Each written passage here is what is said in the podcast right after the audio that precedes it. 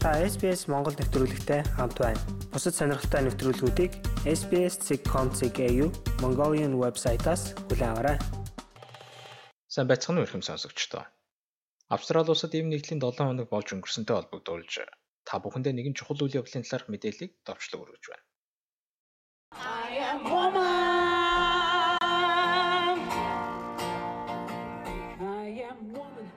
Одоогоос яг 7 хоногийн өмнө буюу өнгөрөгч даваа гарагт Австрали улсын хэмжээнд 100 мянга давсан тооны эмэгтэйчүүд гендер суурилсан хүчирхийлэл, эрх тэгш бус байдал цэг тавихыг шаардна чигссэн юм.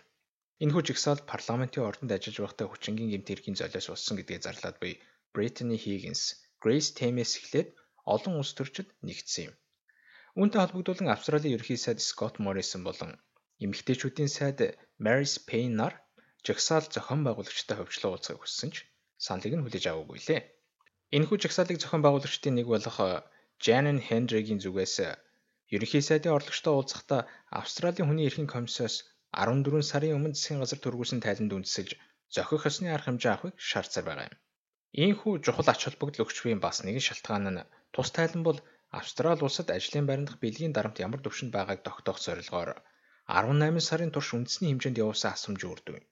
Юуны учир ерөнхий сайдын саналаас татгалцсан талаараа харин Хендри ийхүү тайлбарласан юм.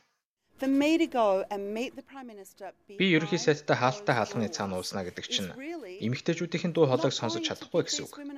Ерөнхий сайд ч гэсэн нөхцөл байдлыг ойлгохгүй байна. Ерөнхий сайд эмэгтэйчүүдийн дуу хоолойг сонсоогүй учраас нөхцөл байдлыг ойлгоогүй учраас өнөөдөр бид энд байна. Гэхдээ түүний санал талархаж байгаа. Системийн болоод бүтцийн хэмжээнд өөрчлөлт хийхийг бид хүсэж байна. Тэгж байж л энэ улсад тэгшэрхийг тогтоох болно. Одоо ч 2021 он шүү дээ. Ардчилсан намын ажилтан Brittany Higgins-ийн хувьд 2019 онд Батлан хамгаалахын сайд Linda Reynolds-ийн ажлын байран дээр байхдаа хүчин дүүсэн гэдгийг олон нийтэд зарснаас хойш анх удаага инхүү парламентын ордонд ирсэн юм. Тэрээр олон юм гарч ирсэн энэ зоримог үйлдэл нь бусдыг хөтөлж улмаар гендер суурилсан хүчирхийлийг багц утга бууруулна гэж найдаж байгаа билээ. I tuned into question time to see my former bosses Хуучин дараа юу ярихыг нь харахын тулд асуултын цаг нэвтрүүлгийг бид үзсэн юм. Гэтэл миний амьдралаа зориулсан хүмүүс бодит амьдралыг маань доошин үгүйсгэлээ. Хэвлэл мэдээлэл дээр намайг бэлгийн хүчирхийлд өрцөн талаарх мэдээлэл гарч байгаа учраас би өглөө бүрийн өвөрийн 5 цагт босч мэдээ үзэж байна. Ажил олгогчоос маань хизээч танилцуулж байгаагүй зүйлс Олон жилийн турш сэтгэлийг мань зовоож байсан зүйлсийн хариултыг олоход тусаж болох байсан зүйлс гарч ирж байна. Эдгээр хүмүүс биднийг зааж энэ улсыг удирдах байна. Энэ утгаараа тэд бидний хувьд үлгэр жишээ. Алтан стандартыг тогтоох ёстой ч тийм байсангүй. Хэрв тэд ажлын байран дээр энэ асуудлыг ярьж чадахгүй байгаа бол илүү өргөн хүрээнд энэ асуудлыг санаачлагаараа ярина гэдэгт яаж Австрали эмэгтэйчүүд итгэх вүлээ?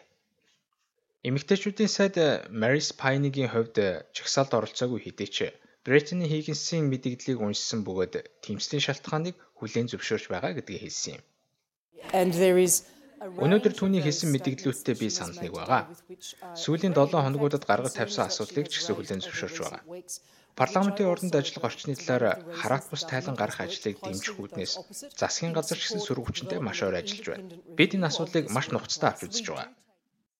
Хоёр намын хувьд гендрийн тэгш бус байдлыг шийдэх даалгавраа хараахан биелүүлж чадаагүй байгаа ч ахиц гарсан гэдгийг ерөнхий сайд Морис хэлж байсан юм байна. Эрхэм спикерээ парламентын хувьд хөгжлийн хөтөлбөр тэр дундаа эмэгтэйчүүдийг хүчирхийлэлээс сэргийлэхийн тулд арга хэмжээ авах асуудал бол нийтлэг үндэслэлээ гэж би бодож байна.